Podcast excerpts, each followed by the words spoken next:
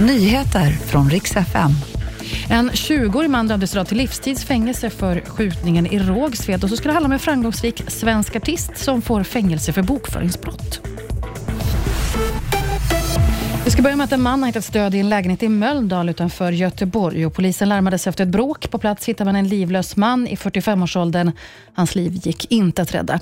En annan man fanns också i lägenheten och greps på plats. Det är en 35-årig man som är misstänkt för mord.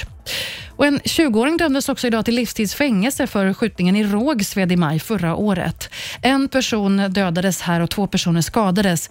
Ytterligare flera personer riskerade att träffas. Tingsrätten i Södertörn dömer nu därför den 20-årige mannen till livstids fängelse för mord och mordförsök.